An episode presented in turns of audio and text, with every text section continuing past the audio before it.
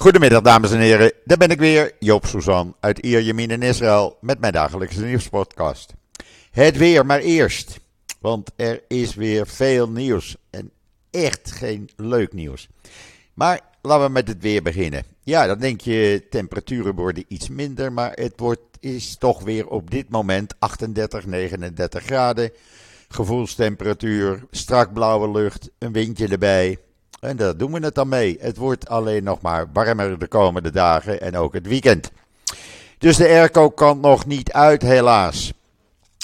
En dan het nieuws. Laten we eerst even met israelnieuws.nl eh, beginnen. Daar kan je lezen en zien, want er zit ook een video bij, dat de IDF weer 19 terreurverdachten in uh, Judea, Samaria heeft opgepakt. Afgelopen avond en nacht in verschillende dorpen en steden. Uh, wapens in beslag genomen. Dus ze hebben weer goed werk gedaan, de jongens en meiden. En daar mogen we blij mee zijn. En dan heeft KKL-JNF, een Israëlische landbouwdelegatie gespecialiseerd in dadels, naar de Republiek Tjaad gestuurd. Dan kunnen ze daar ook leren hoe je dat moet doen. En dan kunnen ze ook met dadelteelt gaan beginnen. En daar wat centjes mee verdienen. Goed werk. Eh, of het gaat werken, nou, ik denk het wel, want ze blijven de zaak in de gaten houden. Kan je allemaal lezen in israelnieuws.nl. Uh, waar je ook kan lezen, en dan moet ik even kijken. Waar je ook kan lezen dat de voorzitter van de Verenigde Chefs uh, of Staven van het Amerikaanse leger in Israël is geweest om een afscheidsbezoek aan de IDF te brengen, want hij treedt af. Zit een mooie video bij. Hij kreeg een medaille van uh, de Israëlische opperbevelhebber opgespeld. Ze hadden het heel gezellig. Hij is later nog even bij uh, Galant geweest. En hij is nu weer onderweg naar huis. Maar ja, hij komt wel naar Israël, maar niet naar uh, Nederland. Om dag te zeggen, dat doet hij dus niet. Uh, dat valt wel op. En dan volgens Barak Ravid, waar we nog steeds regelmatig artikelen van mogen plaatsen. Is toch een van de meest vooraanstaande journalisten in Israël. Uh, Barak Ravid uh, schrijft dat Biden overweegt een ontmoeting met de Saoedische kroonprins op de G20 uh, eh, te plannen om over een megadeal te praten. En dat zou wel eens een hele belangrijke ontmoeting kunnen zijn. Het heeft ook te maken met de normalisatie tussen Israël en Saudi-Arabië. Nou ja, alles heeft met elkaar te maken, niks staat los van elkaar. Hoe dat precies in elkaar zit, Barak Ravid schrijft het op israelnieuws.nl. En dan, ja, als de aanleiding er niet zo triest voor was, maar ik moest het zakdoekje erbij halen toen mijn broer Simon uh, zijn column instuurde, heel spontaan, over wat er op dit moment met de Netanyahu's aan de hand is. Nou, ik kwam niet meer bij van het lachen. Ik ga het niet verklappen. Jullie moeten het zelf maar even lezen. Het heet Filets. Nee, filet. En het is echt een column waar je uh, ja, je lach niet van kan bedwingen, laat ik het maar zo zeggen. Uh, hij beschrijft exact wat er aan de hand is. En wat is er dan aan de hand? Nou, uh, de Netanyahu's die wonen in uh, Aza Street in Jeruzalem. Nou moet daar vanwege veiligheidsredenen iets aan de stoep gedaan worden. Wat weet geen mens, maar ze zijn daar druk mee bezig. Daar hebben ze een prachtig huis in Caesarea, of Caesarea, als je het zo wil noemen. Met een zwembad en helemaal ommuurd, helemaal ingericht voor alles en nog wat. Maar ja, als je dan naar je werk moet, dan moet je of de helikopter nemen, of je gaat per auto en dan ben je toch in de spits zo een anderhalf, twee uur onderweg. Nou, daar hadden de Netanyahu's geen zin in. Dus wat hebben ze gedaan? Er was nog een aardig hotelletje in uh, Jeruzalem uh, met de naam Waldorf Astoria. Uh, daar kost een simpele kamer gemiddeld 570, 600 euro per nacht. Eén kamer. Nou dachten ze, weet je wat, dan gaan we daar naartoe. Maar ja, dan krijg je die beveiliging natuurlijk. En wat gebeurt er dan? Dan wordt er volgens Channel 12 een hele verdieping uh, afgehuurd. En wie betaalt dat dan? Want ze hebben toch een huis in Caesarea? Nee, dat betaalt de belastingbetaler. Want je gaat toch niet uh, zelf een hele verdieping betalen en laat staan gebruik maken van je uh, huis in uh, Caesarea. Dat doe je niet. Want je wil, en je wil ook niet in de file staan. wil je de ambassadeursuite trouwens hebben? Kan ook hoor. Maar ook dan moet je die hele verdieping afhuren dan kost een verblijf voor alleen die suite in een week ruim 24.000 dollar. 24.179 dollar. Eh, exclusief eh, een kopje koffie en een hapje en weet ik van wat. Ja, die dienstwoning in Balfour Street die wordt al een paar jaar verbouwd. Dat was één grote puinhoop. Daar ging Netanyahu verleden jaar eh, op de keer dat dat verbouwd werd. En dat Bennett maar in zijn eigen huis bleef zitten. Want dat doe je toch niet als premier. Dan geef je de buren maar overlast. Nee, dan uh, moet je doen wat hij nu doet met zijn vrouw. Lekker, en de entourage natuurlijk. Lekker naar een hele verdieping. Waldorf Astoria Hotel. Ik heb het even gecheckt, maar er is bijna geen kamer te krijgen. Want ja, ze zijn een hele verdieping kwijt in het Waldorf Astoria. Ga het maar checken. Uh, er staat overal bij, je, je moet heel snel zijn, want anders zijn de kamers op. Nou, het is een van de duurste hotels die Israël kent. Uh, ik ben er wel eens doorheen gelopen met mijn meisje nog, toen ze nog leefde. En uh, nou, daar kostte een kopje thee al 25 euro of zo. Uh, daar ga je niet eens, weer niet eens zitten, want ook dat kost geld.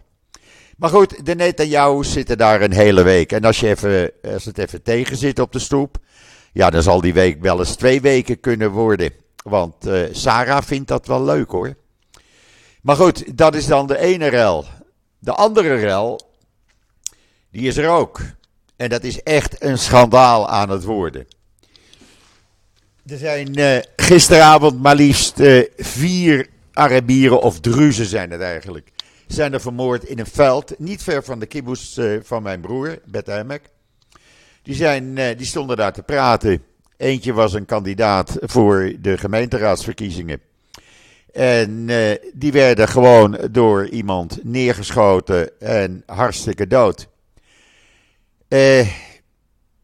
Dat kwam een paar uur nadat Netanyahu had beloofd, nou we gaan de Shin Bet inzetten. Maar dat roept hij al drie maanden. En dat houdt dus niet op, dat moorden in die Arabische gemeenschap. En dan zou je zeggen, ja, maar jullie hebben toch een ijzersterke minister van uh, Nationale Veiligheid en Politie. Jawel, dat is de extreemrechtse meneer Ben-Gvir. Nou, doet die er niks tegen dan? Nee. Die vindt het wel prima zo dat Arabieren zich uh, uitmoorden. Hoeft hij het niet te doen, zegt hij. Nou, uh, sorry, maar dit kan niet. Deze mensen hebben ook recht op veiligheid. Iedereen heeft recht op veiligheid die in Israël woont. En daar moet je voor zorgen. En dan moet je niet uh, gewoon maar alleen maar met lege woorden komen. En dat er zomaar vier tegelijk worden afgeslacht. Ik vind dat een schandaal. Het toont een beetje wat hier op dit moment aan de gang is. Maar daar zijn we nog niet bij. In Jeruzalem vond gisteren een uh, schietpartij plaats. Die uh, vond plaats in de onderwereld. En er werd iemand zwaar gewond. En zijn we er dan? Nee, dan zijn we er nog niet. Want uh, in de Negev bracht een vader zijn 18-jarige zoon naar het politiebureau, want hij was neergestoken en die jongen is overleden. Zijn we er dan? Nee, dat was al, uh, ik heb het alleen maar over gisteren. In Lot een gemengde uh, Joods-Arabische plaats. Daar leven de mensen in doodsangst. Elke nacht, elke avond grote schietpartijen. Je kan je niet veilig op straat bewegen. Doet de politie dan wat? Nee, de politie staat erbij en kijkt ernaar. En dat is allemaal het beleid van meneer Ben Gwier. Meneer Ben Gwier heeft zijn mond vol over van alles en nog wat. En deze man deugt gewoon niet. Die vernietigt het land. Uh, in de Haaretz, en die kan je lezen, dan moet je maar even met Google dat artikel oproepen. Daar uh, heeft ene Sharon Fala Saab een prima artikel geschreven, een opinie. Hoor de roep van elke Arabier in Israël, levend in de schaduw van de dood. Wie zal de aanhoudende bloedbaden in de Arabische gemeenschappen stoppen? Itamar Ben-Gvir? Nee. Een fascistische en giftige regering? Nee. Maar stel je nou eens voor dat zo'n bloedbad in een Joodse stad had plaatsgevonden. Heel Israël zou zijn opgestaan en zou gaan vechten. Intussen is de Arabische samenleving doordrenkt van haar eigen bloed. En ik vind dat je dat artikel even moet gaan lezen. Je kan het gewoon oproepen. Uh, en dan uh, uh, even gaan vertalen en lezen. Want ja, het is echt een artikel wat iedereen moet lezen. Ik ga het niet helemaal voorlezen. Maar wat zegt hij? Hij zegt. Wat valt er nog te zeggen over de eindeloze cyclus van bloedvergieten in de Arabische gemeenschap? Hoe kon je, kun je zo hard huilen dat het overal te horen is?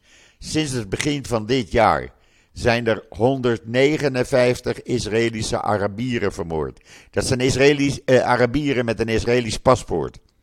Op deze verschrikkelijke dinsdagavond, zegt hij, werden vier mannen tussen de 30 en 50 jaar vermoord in de stad Abu Snan in het noorden van Israël.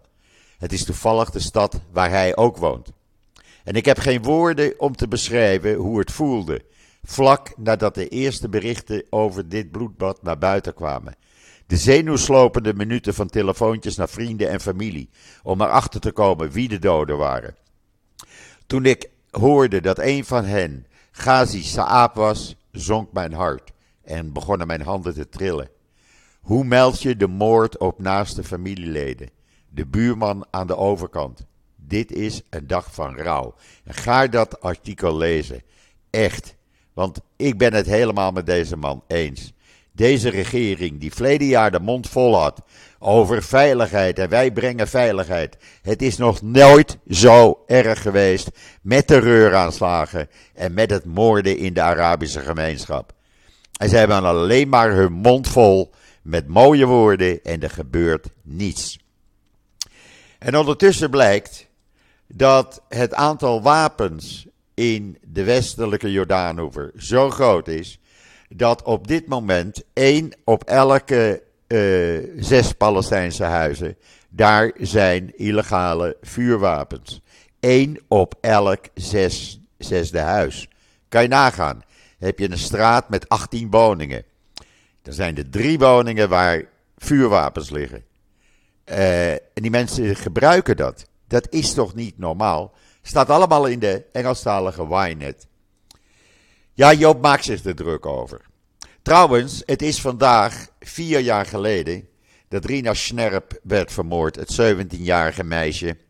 Vermoord door terroristen, betaald met geld van mevrouw Kaag, partij D66. Denk daaraan als je gaat stemmen. Want mevrouw Kaag gaf deze terroristen geld, zogenaamd voor humanitaire zaken. Nou, de humanitaire zaken waren het moorden van een 17-jarig hartstikke leuk meisje die niemand kwaad deed en die werd vermoord met geld van mevrouw Kaag. Geld van de Nederlandse belastingbetaler. Gefinancierd, overgemaakt door mevrouw Kaag van D66. Denk daaraan bij de verkiezingen. En dan in Libanon is men een beetje raar aan het opkijken, want wat gebeurt daar? Opeens zijn er allerlei Israëlische producten te koop in winkels. En dan zij zeggen, ja, dan gaat het om voedsel. Nee, het gaat om huishoudelijke artikelen. Het gaat om tafelkleden van Golf Co. bijvoorbeeld. Uh, het gaat om allerlei artikelen die je hier in de supermarkten en in winkels kan kopen, in shoppingmalls. Opeens te koop in verschillende uh, winkels en bedrijven in Libanon. En dat zijn producten van de Israëlische vijand, dus die moeten we in beslag nemen. Nou, dat hebben ze dan ook gedaan. Jammer voor de inwoners van Libanon, maar er zullen spoedig wel weer nieuwe producten komen. Ja, en dan heeft gisteren het Veiligheidskabinet bij elkaar gezeten. Wat ze hebben besloten, ja, dat weet geen mens, want dat is niet uh, bekendgemaakt. Alleen maar dat er actie gaat komen. Uh, maar dan heb je de Hebreeuwse uh, kranten En daar lekt het een en ander uit. Er was bijvoorbeeld gisteren in die veiligheidskabinetsvergadering een enorme ruzie tussen Ben Gwier en de minister van Defensie Galland. Want uh, ja, Galland was kwaad dat Ben Gwier op maandag de IDF de schuld gaf.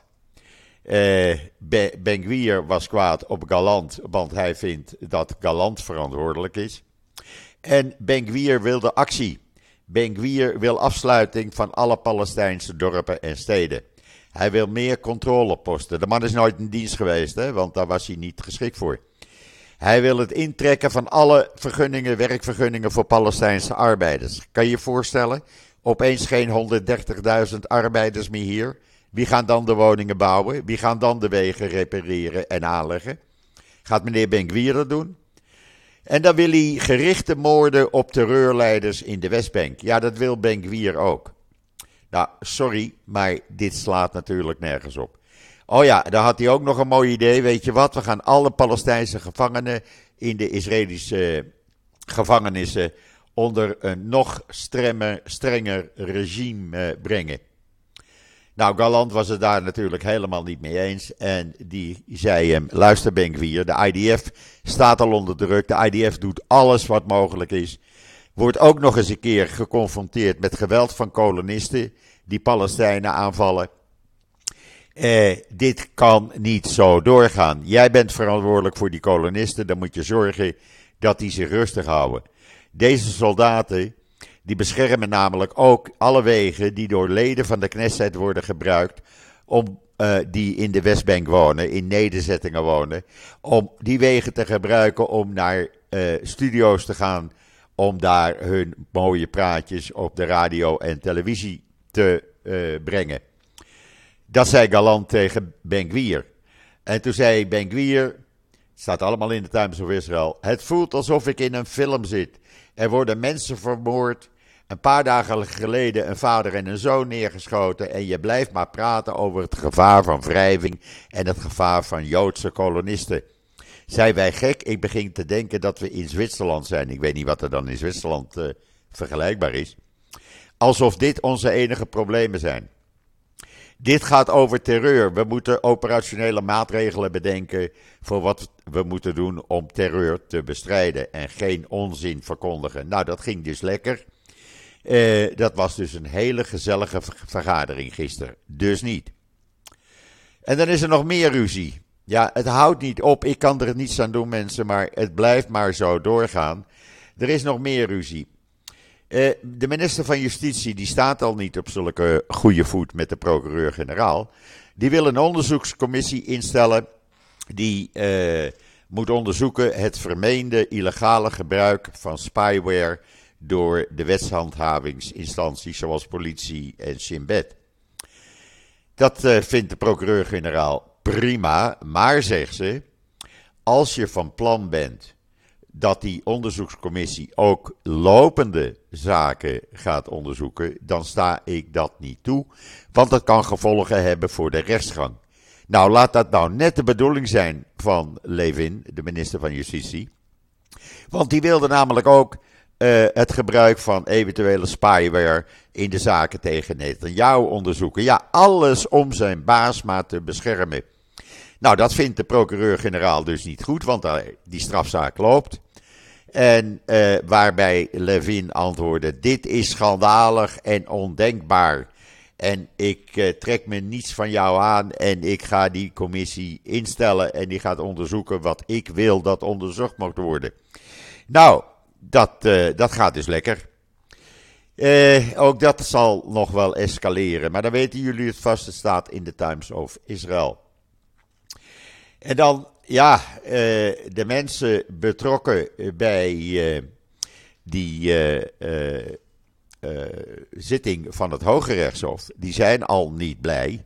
Want het Hoge Rechtshof heeft dus geweigerd om uitstel voor uh, de advocaat van, van de regering te geven van drie weken. En die gaat gewoon op 12 september die uh, zitting houden over die wet om Netanyahu te beschermen. Nou, daar willen Levin en Smotrich en nou ja, noem ze maar op. Uh, Rotman, ze willen allemaal dat dit niet doorgaat, dat die zitting wordt verplaatst. Nou, meneer Rotman is helemaal woest. Die zegt, uh, hier is niets democratisch aan. dit is een voorbeeld waarom het Hoge Rechtshof moet worden opgeheven. Nou, het gaat dus heerlijk, zoals jullie begrijpen. En terwijl mevrouw uh, de minister van, van Transport feest vierde, kwam er gisteren een bericht naar buiten. Ja, want ik heb die video online gezet in Twitter, of X heet dat tegenwoordig. Dat de verkeerschaos in Israël wordt alleen maar groter na 1 september als de scholen weer beginnen. Op dit moment, gisteren bijvoorbeeld, duurde het een ruim een uur om van Ier Yamin naar uh, het noorden van Tel Aviv te gaan, 18 kilometer. Deed een uur over in de spits. Maar de verkeersopstoppingen die komen eraan, waarschuwt een officieel document van het ministerie van Transport. Uh, en waarom komen die eraan? De scholen beginnen weer, iedereen gaat weer aan het werk en iedereen gaat weer met de auto, terwijl het openbaar vervoer alleen maar slechter wordt. Hou er rekening mee dat je binnenkort gewoon bijna 24 uur per dag in de file staat. Gaat dus lekker. Ik heb het verleden week gemerkt. Ik heb het jullie verteld, geloof ik, toen ik naar uh, Jeruzalem moest. Daar deed ik ruim 2 uur over een stukje van 68 kilometer. En dan, uh, waarom Ajax hem niet genomen heb, begrijp ik niet. Maar uh, de doelman van Maccabi Tel Aviv heeft zijn droomdeal te pakken en vertrekt dit weekend naar Bayern München. Daniel Perez gaat voor vijf jaar bij Bayern München voetballen. Kan je lezen in de Engelstalige Ynet. Eh, toch een mooie deal voor de jongen. En dan in de Jewish Press kwam ik een artikel tegen, ook weer over Simcha Rotman. Simcha Rotman is de commissievoorzitter. Hij is extreem rechts van de partij van Smotrich. En hij is de commissievoorzitter die dus die juridische hervormingen erdoor probeert te douwen. Uh, en de man vindt het niet meer leuk dat uh, er altijd demonstranten, oftewel activisten, zoals hij het noemt, linkse activisten, in zijn buurt zijn waar hij zich begeeft. En dat wil hij niet meer. Hij wil niet meer dat er gedemonstreerd wordt waar hij, uh, op een plaats waar hij is. En hij gaat daarvoor naar de rechtbank. Hoe vind je die? hij heeft nog nooit gehoord van het recht van meningsuiting. Dat wil hij niet, daarom is hij ook extreem rechts. Het gaat dus heel lekker in Israël. Uh, en daar kom ik straks wel op. Maar ook dat is allemaal te lezen. En dan is een organisatie erachter gekomen dat zodra de Knesset uh, gaat beginnen en ze gaan daar iets aan doen, ze gaan uh, proberen dat tegen te houden, de anti-juridische hervormingsprotestgroep Hofshei Ba'artzenu heeft ontdekt dat de Knesset vanaf oktober, als ze weer zitting hebben, de winterzitting heet dat, gaan ze praten over 84 wetten die het rechtssysteem zullen uh, ruïneren. 53 wetten die de mensenrechten zullen schaden. 37 strikt religieuze wetten waar ook seculiere mensen zich aan moeten houden. 30 die de verkiezingsregels zullen gaan schaden. En 21 wetten tegen de vrijheid van meningsuiting. Het wordt er niet gezelliger op mensen in Israël. Jammer, maar dat hebben we te danken aan extreemrechts en meneer Levin van uh, de Likud. En nog een paar, een paar uh, rechtse uh, Likud-leden. Deze wetten hebben ook gevolgen volgens de Jeruzalem Post voor vrouwen, nieuwe, nieuwe emigranten, homoseksuele mensen, Arabieren en seculaire, seculiere en niet zulke gelovige Joden. Nou, het gaat dus gezellig. Ja, als je me niet gelooft, ik verzin het niet, helaas. Het staat vandaag in de Jeruzalem Post. En dan wat hiermee te maken heeft. De laatste maanden, de laatste weken kunnen een aantal ambassades de toeloop van Israëli's niet aan. Israëli's die hun Europese paspoort willen hebben, omdat ze van Europese afkomst zijn. En die het schip willen verlaten, die naar Europa willen toegaan. Wat zijn de belangrijkste landen? Welke e- ambassades kunnen de drukte niet meer aan? Dat is Frankrijk, Nederland, Roemenië, Portugal, Spanje, Duitsland, Italië en de Baltische Staten. Ze hebben daar de ambassadeurs onderling over gesproken hoe dit aan te pakken.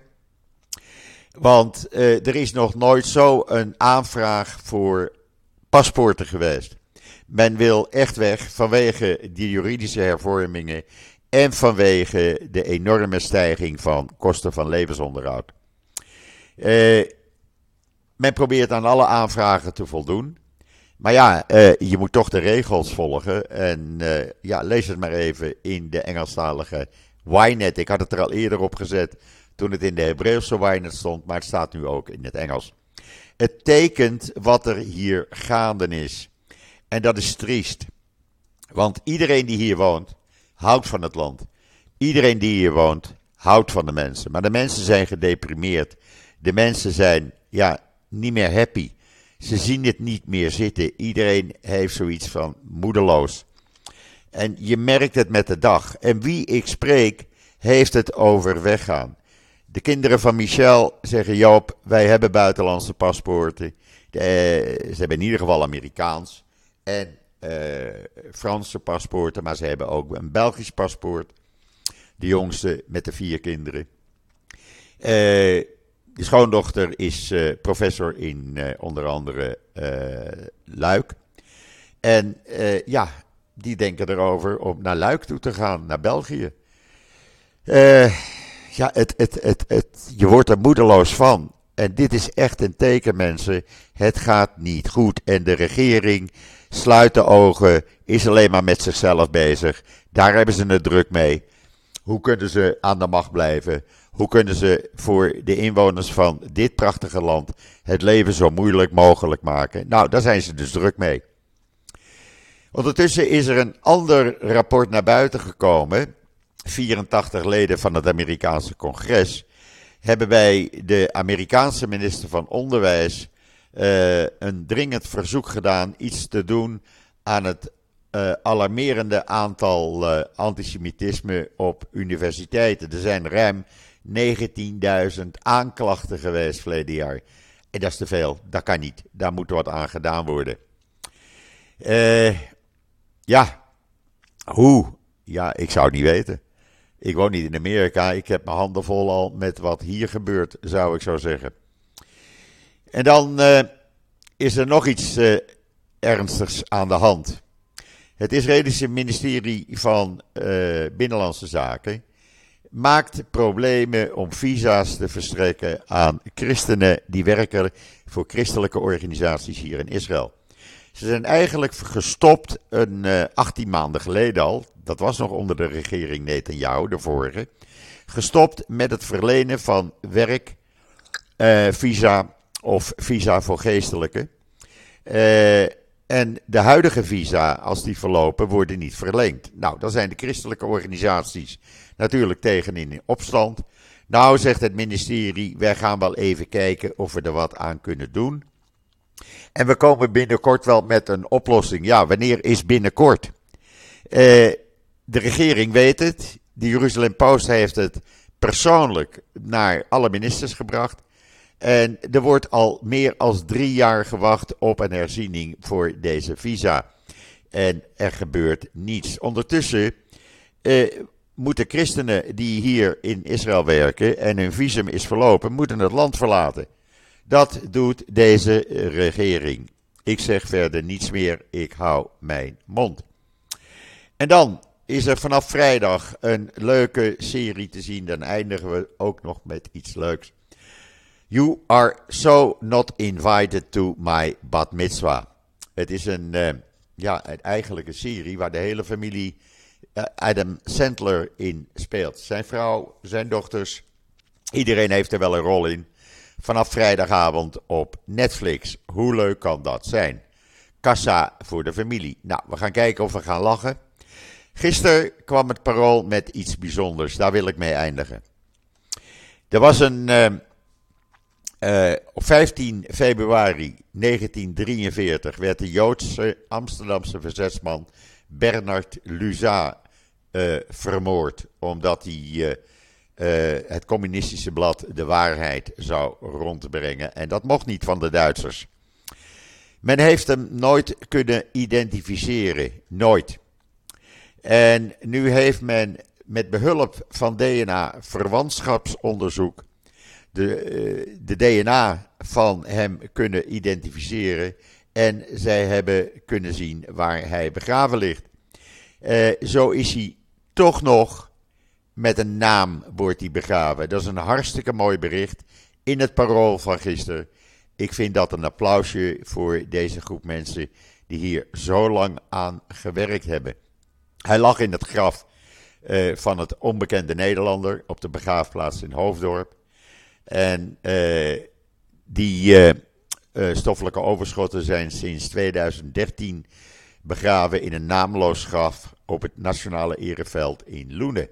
Maar dat dit nu kon, ik vind dat uh.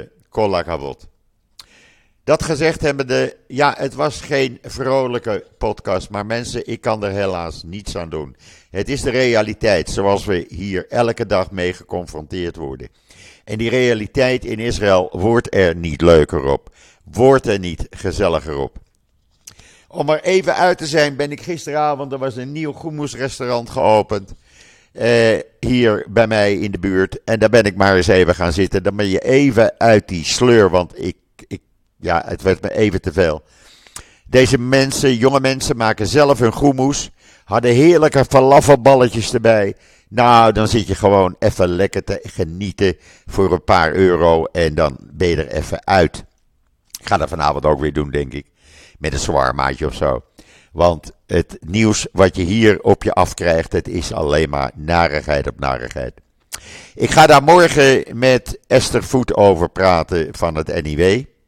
Dan weten jullie vast dat Esther morgen in de podcast komt. Ik laat het hierbij uh, voor vandaag. Als er wat te melden valt, zal ik het melden op social media en israelnieuws.nl. Maak er wat leuks van voor de rest van de dag. Ik ben er morgen weer samen met Esther en zeg zoals altijd: tot ziens. Tot morgen.